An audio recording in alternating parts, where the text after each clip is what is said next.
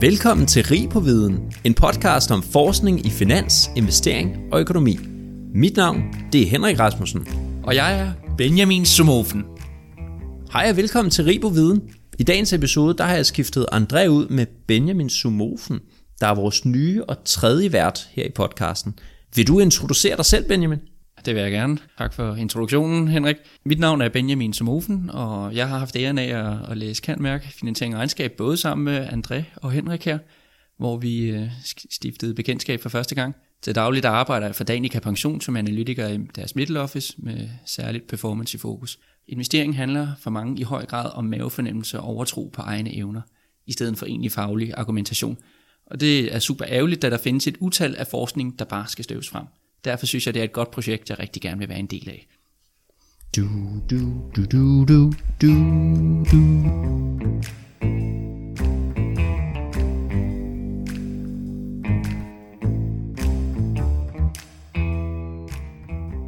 Hvor ofte hører man ikke økonomer udtale sig om den økonomiske situation ved at kvantificere økonomien med begreber som kongetallet, inflation eller endda coronasmittet. Fagfolk ønder hardcore statistikker til at beskrive og forudsige økonomien, og det er næsten en grundlæggende antagelse at økonomien er rationel og følger et bestemt mønster. Samme opfattelse gør sig gældende for aktiekurser, når det vurderes, om de er billige eller dyre. For eksempel har vi darlingen price earnings, der både anvendes af forskere som praktikere til at vurdere, om et aktie er et scoop eller simpelthen alt for dyr. Trods dette ser vi hyppigt undtagelser på såkaldte dyre eller overvurderede aktier deroppe i tidens tand. Som modspil vil enkle kvalitative forskere argumentere for, at det nærmere er fortællinger eller såkaldte narrativer, der påvirker nutidens opfattelse af økonomien. Det kunne vi godt tænke os at blive klogere på. Vi er taget på besøg hos Per H. Hansen, der er professor i finanshistorie ude på CBS, for bedre at kunne forstå betydningen af narrativer og dets betydning for samfundsøkonomien de seneste 150 år. Og du har jo beskæftiget dig, Per, med finanshistorie i mange, mange år. Kan du fortælle om, hvordan du første gang kom ind på det her emne? Jamen, det var jo, altså jeg begyndte at læse historie i 83, tror jeg. Øh, og øh, af uansagelige årsager, så endte jeg så med bankhistorie. Jeg skulle helt til at sige, det var der ikke andre, der gjorde på historiestudiet, øh, hverken før eller siden, tror jeg. Men jeg havde Søren Mørk øh, som øh, min øh, underviser første år, og han øh, har jo skrevet om Landmandsbankens historie, og Landmandsbankkrakket i 22. Øh, så det har nok øh, bidraget. Og så havde jeg også, øh, eller har, to brødre, som begge havde arbejdet øh, på det tidspunkt i nogle år i banksektoren, så måske har det også haft en lille indvirkning. Men jeg tror, Søren Mørk havde en, en indflydelse i at få mig ind der, fordi vi læste jo nogle af hans ting, da jeg på mit første år. Så jeg var, var meget hurtig med at begynde at interessere mig for bankhistorie, skrev speciale og, og faktisk også bachelorprojekt om landets første bank, Fyns Diskontokasse, som blev stiftet i 1846. Stærkt. Og du har skrevet den her fantastiske artikel om 150 års finansiel historie og kriser, hvor du belyser bankerne og de finansielle markeders rolle i de her kriser.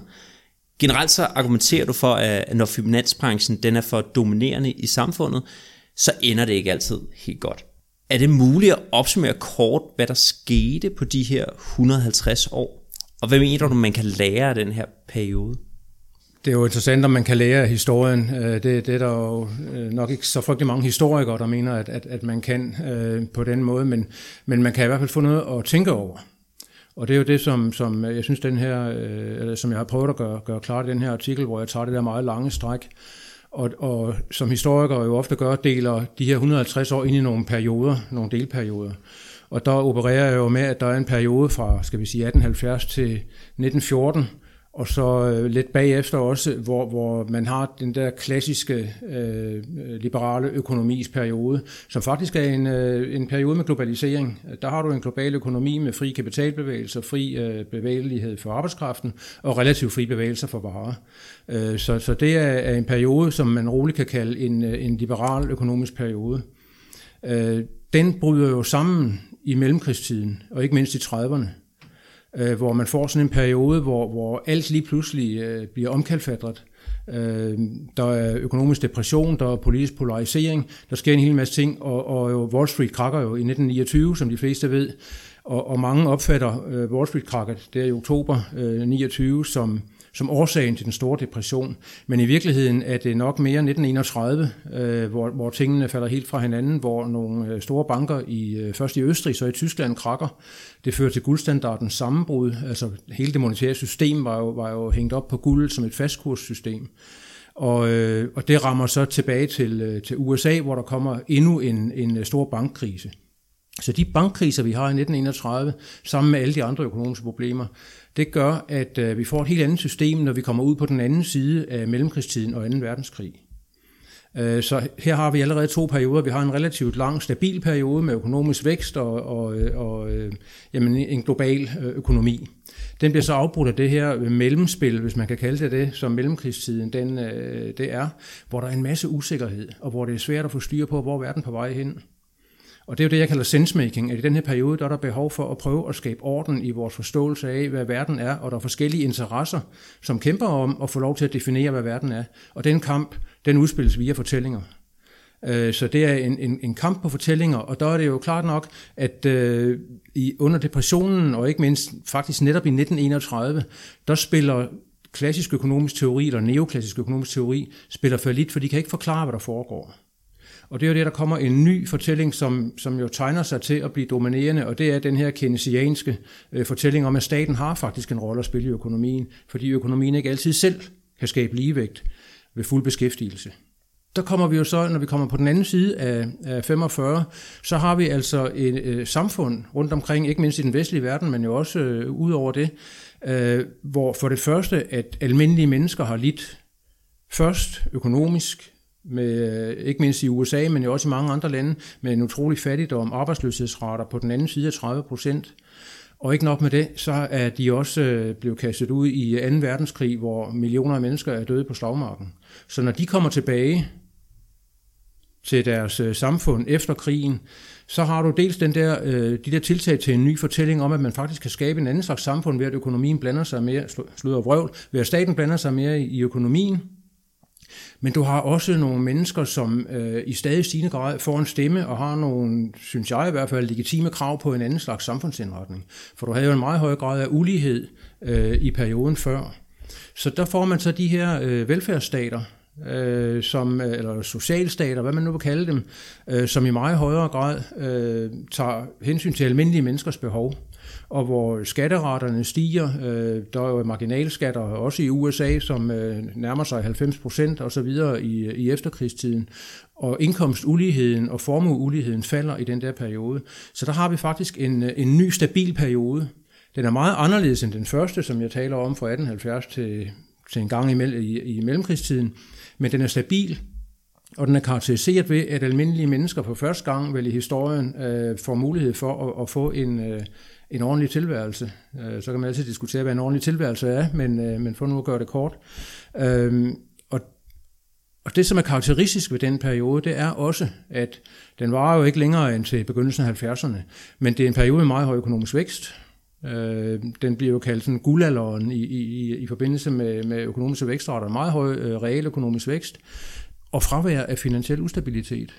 Der er ingen finansielle kriser i den her periode. Dem har du jo haft med næsten 10 års mellemrum fra 1870 og frem til øh, 1931, øh, som så bliver den ultimative øh, finansielle krise, der får det hele til at falde fra hinanden.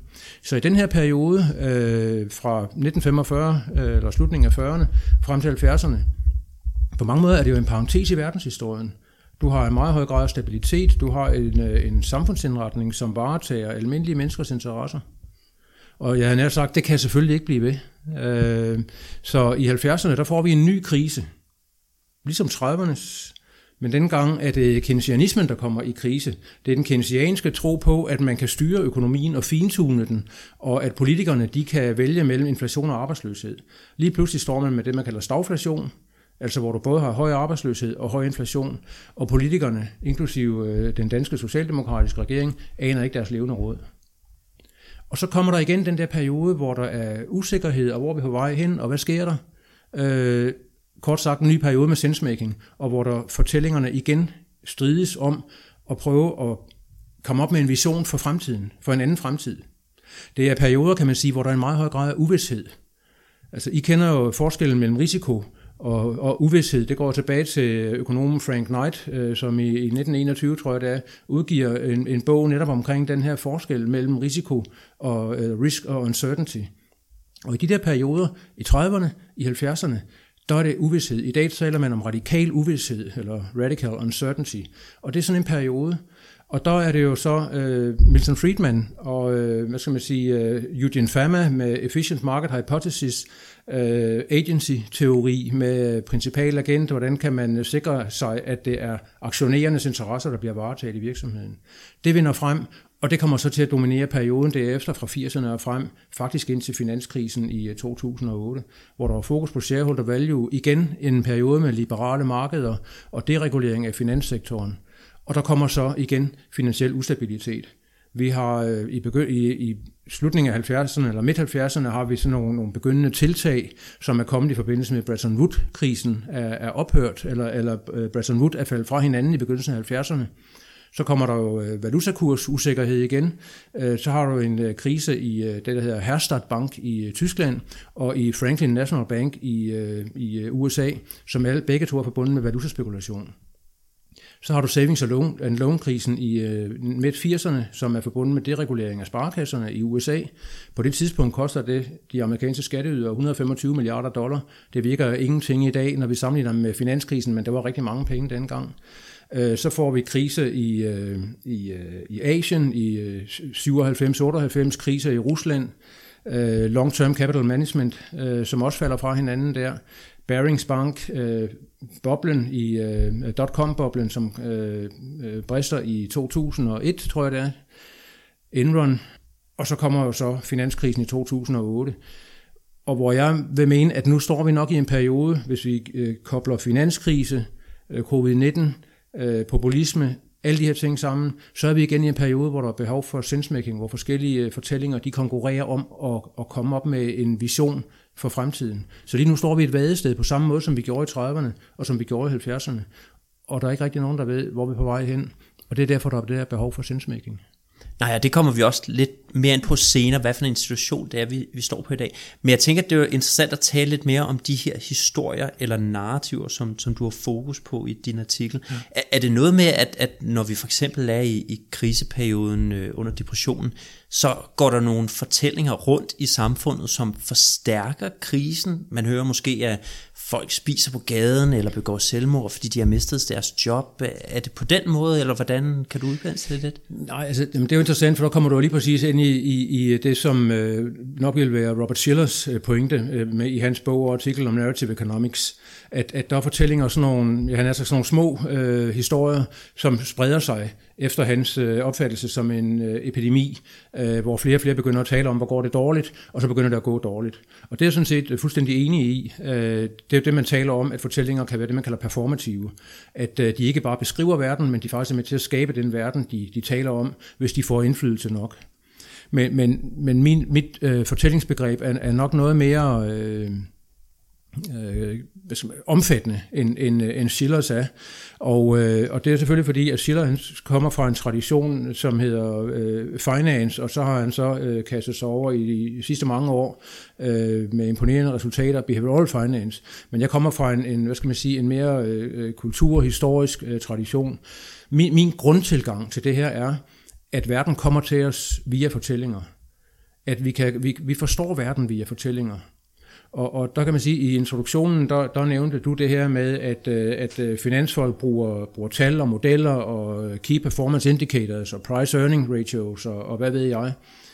Men, men hvis du bare sætter et tal op på væggen, eller taler om big data, eller hvad det nu er, det er jo ingenting uden fortællinger, så vi bruger hele tiden fortællinger til at skabe mening og orden i vores opfattelse af og forståelse af verden. Øh, så verden kommer til os via fortællinger. Hvis der sker et eller andet, en finanskrise i 2008, så er vi nødt til at konstruere en fortælling, før vi kan få orden på det. Fordi vi kan ikke gå ud og finde årsagen ude i, i verden som sådan. Vi kan kun finde den årsag ved at skabe en fortælling, og det, der bruger vi også modeller, øh, eller det er der nogen, der gør, øh, finansieringsøkonomer øh, for eksempel. Men vi forstår verden via fortællinger. Faktisk på samme måde, som vi forstår os selv og vores øh, venner og familie øh, via fortællinger. Nå, men øh, apropos de her fortællinger, altså, så det lyder faktisk som om, at de kan både fungere i det store og det små. Ja. Nu øh, har vi jo set, hvad du ellers har skrevet artikler, blandt andet har du lavet et ret interessant øh, studie af film, hvordan de har givet fortællinger rundt omkring i samfundet. Blandt andet nævner du Gordon Gekko for filmen Wall Street, han har nærmest fået sådan en, en kultstatus.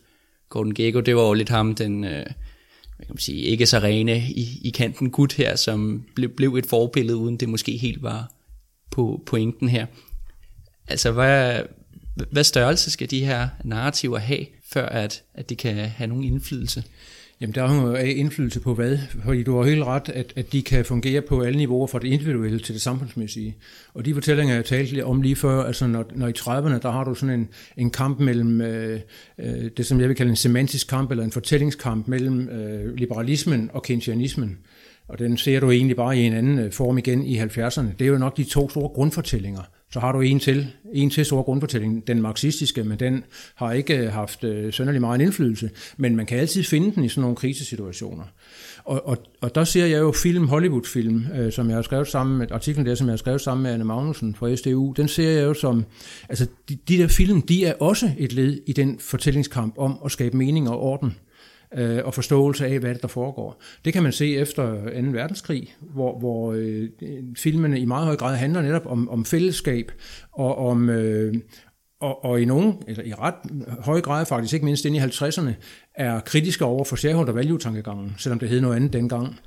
Øh, så kommer der netop Gordon Gekko i Wall Street, og der, øh, øh, Danny DeVito, tror jeg han hedder, i Other People's Money, og en lang, altså en lang række film, som netop handler om øh, den der konflikt mellem, øh, er det aktionærens interesser eller samfundsinteresser, og der går Gordon Gekko jo sådan en klar shareholder value kortsigtet tankegang, og også på den lidt ufine side, ikke? også fordi han griber til metoder, som ikke er, er, er rene i kanten. Men, men så film er, er, er lige så vel som øh, øh, lærebøger i corporate finance med til at prøve at skabe mening i, hvordan øh, verden hænger sammen. Og de, øh, og, og de er det, som, som øh, jeg sagde før, de, de er performative på en måde, de, kan, de påvirker den måde, vi ser verden på. Hvad kan man så gøre, altså når man ser sådan en film som Wall Street, The Big Short eller Wolf on Wall Street. Hvad kan man gøre for ikke at lade sig påvirke af alle de her historier og, og narrativer, og, og skal man egentlig være mere opmærksom på det? Altså jeg tror, det er godt og sundt at have en forståelse af, hvad fortællinger kan.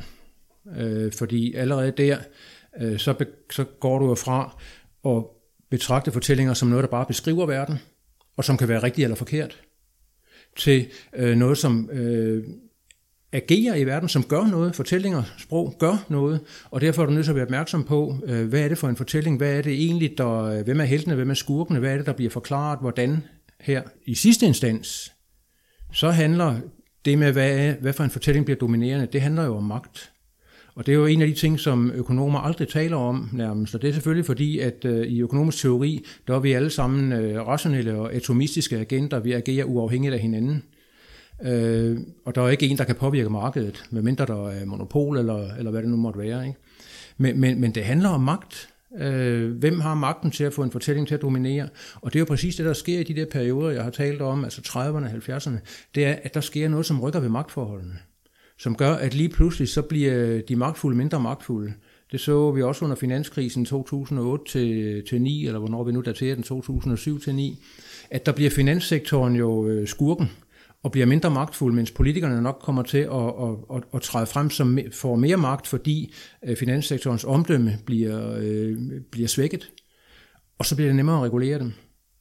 Øh, og så bliver det nemmere med, med en ny fortælling, som kommer op, og som gør bankerne til skurkene. Og det interessante er jo sådan set ikke, om det er rigtigt eller forkert, at bankerne var skurkene. Det interessante er, at den fortælling den virker, og gør det muligt at regulere dem, og gør det muligt at gøre forskellige ting. Øh, måske, og så jo altså langt fra så stærkt som i 30'erne, hvor bankerne virkelig blev øh, øh, prygelknapper, og hvor de blev reguleret meget stærkt hele vejen op til, øh, til 70'erne. Ikke? Apropos magt, så har vi jo ATP, der blandt andet også øh, for sin vis er ved at få rigtig meget magt inden for investeringssiden. Der blandt andet ikke vil investere i virksomheder, hvor der er for variable direktørlønninger. De prøver ligesom at, at bane vejen her. Samtidig har vi jo det her samsurium med ESG-investeringer, der vokser frem. Ja.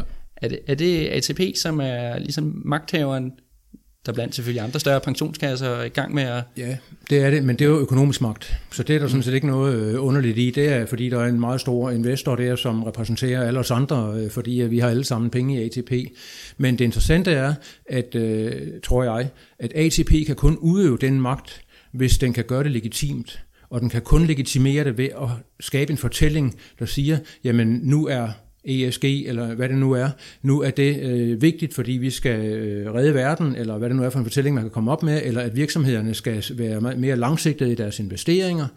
Øh, det er kun, hvis de har en fortælling, som kan legitimere det, at de rent faktisk kan få øh, få lov til at udøve den magt også.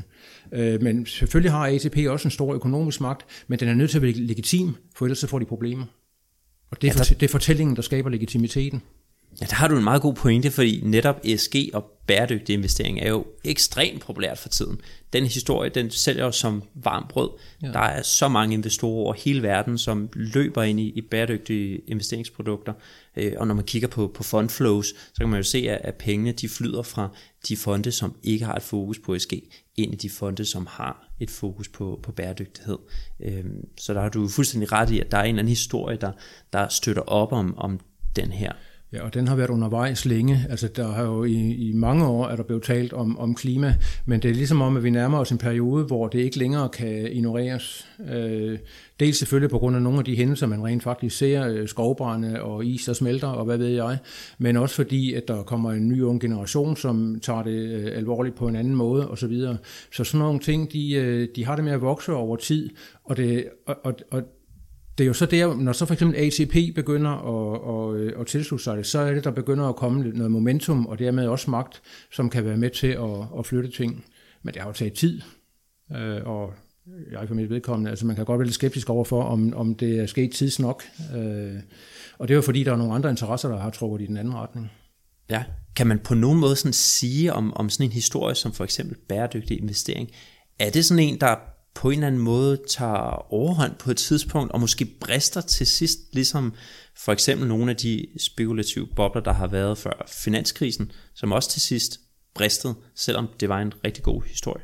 Jeg tror ikke, at det er det samme, men der er jo ingen tvivl om, at, der, at du kan se, øh, når man har en fortælling om, at bæredygtige øh, investeringer og så videre er, er rigtige, så kan man jo langt fra udelukke, at der kan opstå en boble i virksomheder, som forstår at, at bruge og udnytte den fortælling øh, til at få aktionærer til at investere, og øh, hvor forretningsgrundlaget måske ikke er det samme. Altså det har vi jo set, som du siger, under finanskrisen, det har vi set under øh, da .com-bølgen, eller boblen, den bristede i 2001. Det har vi set mange gange i historien. Altså der kan man gå helt tilbage til den såkaldte tulipanboble i, i 1600-tallets Holland, ikke? At, at sådan nogle narrativer er jo i virkeligheden det, der er med til at blæse øh, bobler op, efter min opfattelse. Det er det, der skaber den optimisme, som er nødvendig for, at, øh, at folk de, øh, som lemminger zoomer hen og investerer i, i det samme, eller de samme øh, aktivklasser. Det kan være enten det er aktier, eller boliger, eller tulipaner, eller hvad det nu er. Hvis vi dykker ned i en af de perioder, som du beskrev i din artikel, så var det den her periode fra 1945 til 75. Og der nævner du, at i efterkrigstiden, der noget helt unikt, det var, at der ikke rigtig var nogen finanskriser. Og i den her periode, der voksede middelklassen frem og velfærdssamfundet, øh, mens finansmarkederne de i højere grad blev reguleret for bedre at kunne tjene samfundet. Kan du uddybe, hvorfor det gik så godt i den her periode? Men det er jo et sammenfald af rigtig mange faktorer, og en af de ting, man skal huske, er selvfølgelig også, at den øh, meget stærke økonomiske vækst, vi får i efterkrigstiden, øh, i den her såkaldte økonomiske guldalder, er jo fra et lavt punkt. Øh, fordi altså, mange af de her samfund er jo, ikke mindst i, i Vesteuropa, er jo øh, ja, smadret for nu at sige det som det er. ikke. Så, så, så det er øh, høje vækstrater, men fra et, et ret lavt udgangspunkt. Øh, så det skal man ikke glemme. Men taler vi, kigger vi mere specifikt på øh, på øh, den finansielle sektor, så sker der jo det, at den bliver reguleret meget stramt. Øh, og, og det er lidt interessant er jo det, at hvis du øh, kigger på øh, mange økonomer, og ikke mindst selvfølgelig liberale økonomer, kalder den periode for financial repression. Altså at man, man har undertrykt finanssektoren.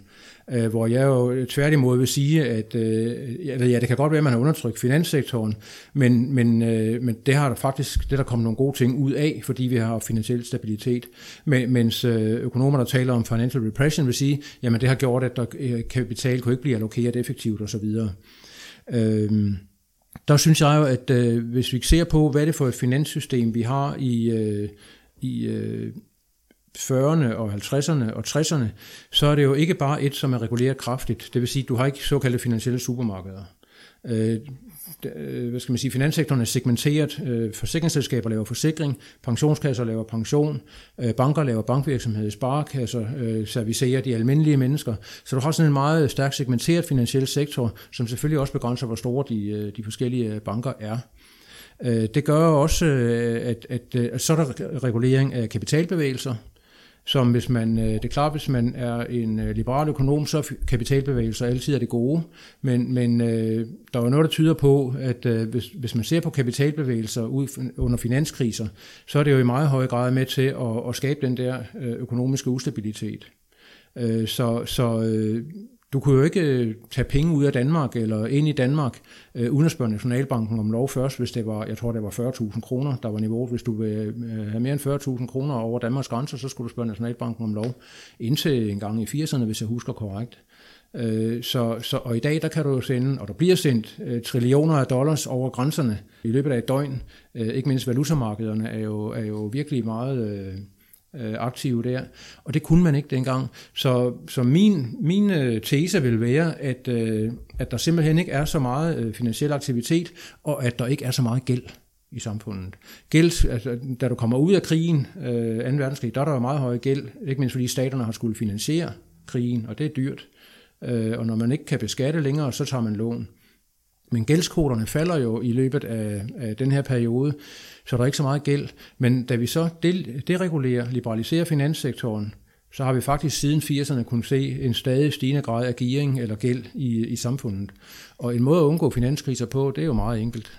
Hvis der ikke er nogen gæld, så er der heller ikke nogen finanskriser.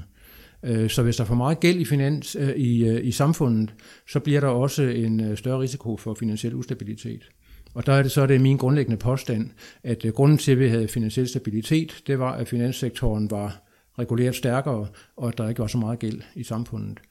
Øh. Men hvad med på den anden side af bordet, at gæld så ikke også med til at netop at stimulere den økonomiske vækst? Det er pengene, de kan flyde frit på tværs af markeder, og man kan optage lån til nye spændende projekter. Jo, det er den jo nok, men det afhænger for det første af, hvordan man definerer økonomisk vækst, og, og, og hvordan man definerer værditilvækst. Øh, og det bliver nok for langt at komme ind i, øh, men, men, men øh, i, i den måde, man opgør det øh, på i dag, der er det jo øh, der, hvor pris, udbud og efterspørgsel mødes, prisen, det er så der, hvor værdien øh, ligger.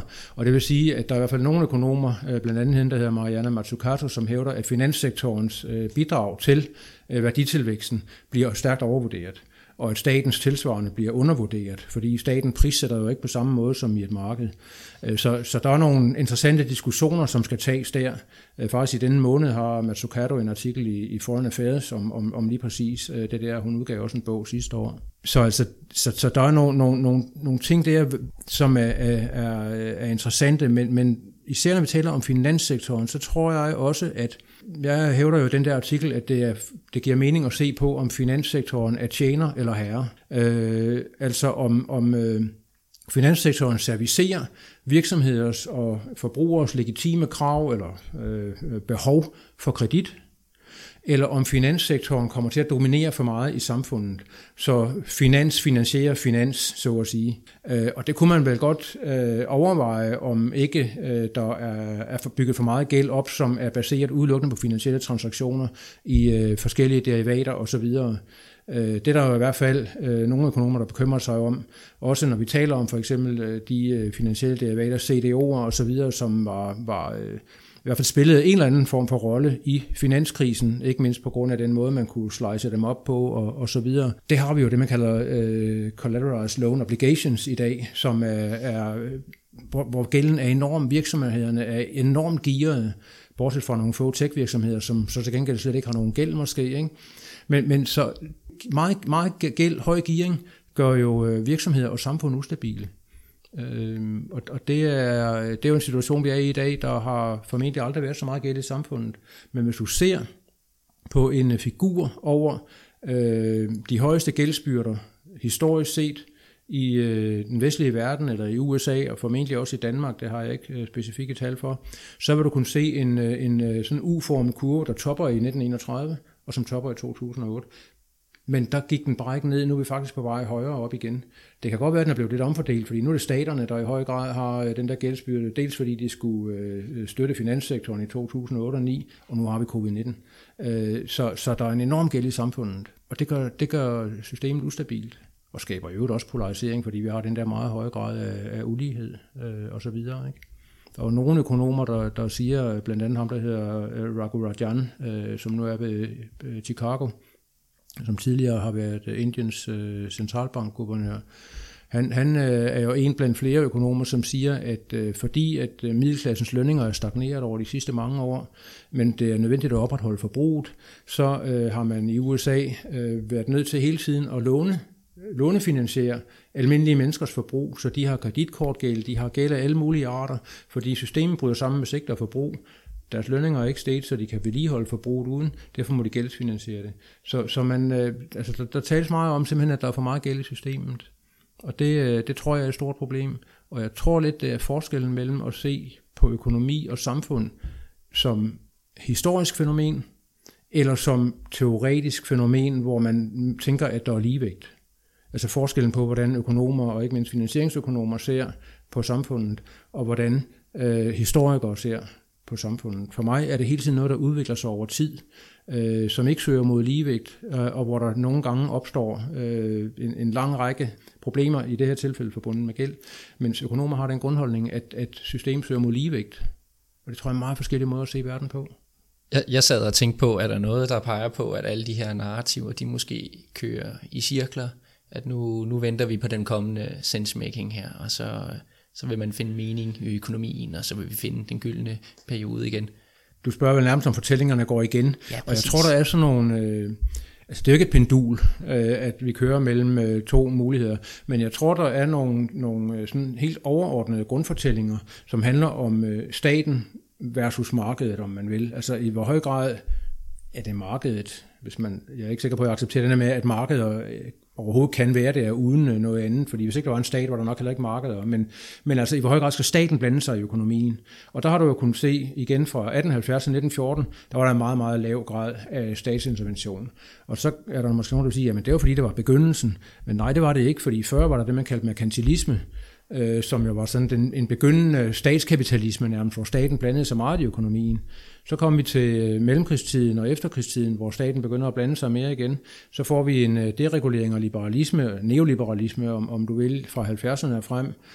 Og så nu kan man jo tale lidt om, om altså der tales om deglobalisering, der tales om, en, øh, altså om at, øh, at jamen, protektionisme og sådan nogle ting. Ikke? Så det virker lidt som om, at der er nogle grundfortællinger, der i hvert fald skiftes om at dominere men, men over de meget lange træk. Og det tror jeg også, der er, men igen, så er det jo nok, fordi det er bundet op på magt, og der er bundet op på nogle modreaktioner, øh, som, som opstår, når der har været for meget af, af, af det ene måske. Men det er ikke nogen given sag. Altså jeg tror, det er vigtigt at forstå historien øh, som, der hvor man nu måtte være på en, en tidslinje, så at sige, der er historien altid åben. Det kan, det kan gå begge veje, eller alle veje. Mm. Fremtiden eksisterer jo ikke endnu, og det er jo der, den her fortælling om, om uvidshed kommer ind i billedet, eller, eller uncertainty. Meget ofte opererer økonomer jo med den her fortælling om risk som noget, der kan øh, beregnes. Man kan beregne på baggrund af normalfordelingskurver og det ene og det andet og historiske data, øh, de sandsynlige udfald med et eller andet, øh, en eller anden øh, sikkerhed og, og, øh, og signifikans og hvad ved jeg. Men det kan man jo ikke, når vi taler om radikal eller om uvidshed. Øh, så er, ja, så er alle døre åbne, eller hvad man nu skal kalde det. Og der handler det om den her fortællingskamp hvad for en fortælling kommer så til at dominere. Og der tror jeg faktisk, vi er lige nu netop en kamp mellem de der to fortællinger. Skal, skal, vi øh, have, eller skal vi blive ved det her med marked, eller skal vi have mere stat? Og så kan man jo så desværre risikere at få rigtig meget mere stat. Også meget mere, end, end øh, man måske synes er en rigtig god idé, ikke? som man også oplevede i 30'erne, desværre. Det er jo nok min store, hvad skal man sige, frygt, at, at øh, nationalisme, polarisering og så videre øh, kommer over. Ikke? fortællingen går jo på i dag, det er bankerne, der er de onde. Og det var jo et populistisk kort at smide en ekstra bankskat ja, ja. til at, at finansiere den her Arne-pension. Men ja. ja, det er jo en, det er jo en helt anden men det er på et andet niveau. Også. Det er på et andet niveau, mm. men, men, men der har du jo ret i, og det var det samme så i 20'erne i, i Danmark, hvor vi havde en, en massiv bankkrise. Altså der, er, der konkurrerer de her fortællinger, og der tror jeg sådan set, at på mange måder der er to også to grundfortællinger om bankkriser, som relaterer sig til det samme. Den ene er, at det er centralbanken, eller centralbankerne og staten, der via finanspolitikken er alt for ekspansiv, og det har medført til, at der bliver ophobet alt for meget gæld. Øh, den anden er, at det er bankerne, det er grådighed, det er øh, for dårlig risikovurdering, det ene og det andet og det tredje. Og, og, og de, øh, de kæmper. Det gjorde de i 20'erne, det gjorde de i 30'erne, og det har de også gjort efter finanskrisen her. Ikke? Øh, der har været masser af stemmer, der har sagt, at Greenspan holdt renten alt for lavt, øh, at den amerikanske øh, kongres øh, og Fannie Mae og Freddie Mac havde alt for, eller subsidieret folk, der virkelig ikke havde råd til at købe ejendom osv. Øh, så de der to grundfortællinger, de, de kæmper stadigvæk, men, men der er det lidt interessant, at der er det ofte bankerne, der bliver, ender med at blive skurkene. Øh, ja, det er der ingen tvivl om. Det er måske også lidt nemmere, og de er meget mere konkrete end, end finanspolitik og pengepolitik. Lige en anden ting, fordi det er lidt interessant det der med centralbankerne, fordi der siger du jo også, og der har du jo ret i, at altså centralbankernes balancer er jo eksploderet fuldstændig. Først efter finanskrisen, og nu igen efter covid-19. Og der, så er der begyndt at opstå en ny økonomisk teori, som I jo sikkert også har hørt om, uh, Modern Monetary Theory, uh, som man kan mene om, hvad man vil, men som jo faktisk prøver at sige, lige nu står vi i en situation, vi ikke har set før, Uh, måske kan centralbanker og regeringer rent faktisk låne uh, lige så meget de vil, hvis de kan låne deres egen valuta, øh, uden at der bliver nogen inflationære øh, konsekvenser af det. Og, og rigtig mange økonomer, dem jeg kender, de ryster på hovedet og siger, at de er jo øh, ikke rigtig kloge. Det gjorde man også Keynes i, øh, i 30'erne. Øh, jeg skal ikke gøre mig klog på det, men det er noget med, om det bliver, hvad, hvad der kommer til, hvilken opfattelse der kommer til at dominere, hvilken økonomisk teori der kommer til at dominere. Det ved vi ikke, fordi vi ved ikke, hvad der sker i morgen. Verden er uvis. Ja, det er i hvert fald en teori, der får mere og mere støtte. Ikke? Jeg har for nylig begyndt at se flere på Twitter, som, som rent faktisk støtter op ja, ja. om det her Modern Monetary øh, Theory, og som folk, som er relativt øh, anerkendte også. Ja. Øh, så det er jo en ret interessant historie, og, og det bliver sjovt at se, om, om den ligesom tager til, ja. eller om der bliver ved med at være den her modstrid fra de klassiske økonomer, som siger, ja. ah, men det kan ikke lade sig gøre, bare pumpe penge ud i samfundet. Det giver os inflation, og det giver ja. os bobler og så videre. Ja. Og det er jo en kamp hele tiden også mellem fortællinger, deflationsfortællingen og inflationsfortællingen. Og vi har jo i 10, 11, 12 år nu talt om frygten for inflation på grund af centralbankernes store øh, pengeudpumpning via quantitative easing men inflationen udbliver. Faktisk øh, er Europa nu øh, i, i deflation. Ikke? Øh, så, så der er et eller andet, vi ikke kan forstå. Så det er igen, vi står i den der periode, hvor vi prøver at lave sensemaking og komme op med fortællinger, der kan forklare det. Og altså, jeg har lige læst en rapport fra Deutsche Bank, som også nævner Modern Monetary Theory, øh, som, øh, og helicopter money, som de også kalder det, ikke? som, som øh, måske er det også noget, der, der rent faktisk kan komme til at spille en rolle. Øh, who knows? Du kom kort ind på det her med CDO's collateralized debt obligations, som jo voksede op før finanskrisen, og som til sidst sprang lidt i luften, kan man sige. Og du skriver også en del om finansialisering i artiklen. Kan du fortælle kort, hvad er det egentlig, finansialisering? Ja, altså det er jo et begreb, som øh, er dukket op fra, jeg skal ikke kunne sige, hvornår det først kom, men, men fra 90'erne og så øh, accelereret. Undskyld. Finansialisering bruges i forskellige sammenhænge, men den måde, jeg bruger det på, det er dels det her med, at finanssektoren øh, bliver den dominerende. Og der synes jeg egentlig, at man på nogen måde kan sige, at øh, det nævner jeg vist også i den her artikel, at i øh, 1997, der siger øh, Larry Summers, som på det tidspunkt er Clintons øh, øh, Secretary of Treasury, hvad hedder sådan noget, finansminister, han siger det der med, at øh, øh finance don't all the wheels, finance are the wheels. Og det er der, hvor finanssektoren så nærmest symbolsk bliver flyttet fra at være tjener til at være herre. Mm. Og det var fordi, at man i 70'erne havde en industrikrise, man kunne ikke længere forvente, at industrien var det, der kunne drive den økonomiske vækst, og så begynder man at se hen til øh, finanssektoren. Men sideløbende med det, der sker der jo også det, at, at øh, vi for eksempel går fra at være borgere i samfundet til at være forbrugere. Og det, er, det kan man sige, ja, men altså, hvordan foregår det? Jamen det kan man øh, sige meget præcist, for det foregår ved, at for eksempel George Stigler, som er en Chicago-økonom, som vandt Nobel, Nobelprisen, han skrev i 1971 en artikel, A Theory of Economic Regulation, hvor, hvor fokus på økonomisk regulering alene går ud på at optimere det, som man i mikroøkonomisk teori kalder forbrugerfordelen, eller consumer surplus, som I garanteret kender. Øh, og det vil sige, at så er det ikke længere noget med, med øh, øh, den almenvældet og borgere, det er noget med, at vi som forbrugere skal kunne købe de billigst mulige fjernsyn, de billigst mulige alting. Så, så der mener jeg, at vi bliver reduceret til forbrugere, og ordet reduceret af, af med velberådet hu. Jeg kan også huske, nu er jeg jo noget ældre end I er, men, men jeg kan huske, da der begyndte at køre aktiekurser ned i bunden af skærmen, så begyndte man at tale om, at vi skulle alle sammen være aktionærer, vi skulle alle sammen investere her. Nu er der aktiesparekonti. Alt bliver gjort op i investeringer og i penge. Øh, man kan ikke åbne øh, børsens øh, hjemmeside i hvert fald, uden at der står, at en eller anden har scoret kassen. Hvad med at tjene penge, frem for at score kassen? Altså ved, ved hårdt arbejde. Så, så for mig at se, at finansialisering ikke bare et økonomisk moment, det er endnu vigtigere et kulturelt fænomen, som har ændret den måde, vi tænker i samfundet på. Alt går ud på at vi køber en bolig, fordi den kan stige i værdi, ikke fordi vi gerne vil bo i den. Vi øh, er hele tiden fokuseret på de der lette gevinster. Og der citerer jeg jo øh, øh, Alfred Horvitz øh, for den her minutmillionær-tankegang i, øh, i øh, en af de artikler, jeg har skrevet. Øh, Alfred Horvitz var, øh, var vekselerer under, under 1. verdenskrig og kritiserede den der med, at det eneste folk gik op i, det var de stigende børskurser. Så, så finansialisering af et samfund, hvor øh, alt motiveres med, alt skal tages sådan lidt med, men altså om ikke alt, så rigtig meget motiveres med økonomiske incitamenter, med økonomiske gevinster, øh, og det gennemsyrer den måde, vi kommer til at tænke på. Det gennemsyrer menneskelige relationer. Øh, så det handler om finanssektoren, men det handler også om samfundet generelt. Det er et kulturelt fænomen, det er ikke kun et økonomisk fænomen. Ja, så med finansialisering, så kan man jo tage en masse helt almindelige ting, og så gøre dem til finansielle aktiver eller til investering eller noget, som man kan spekulere i. For eksempel de her boliglån under finanskrisen.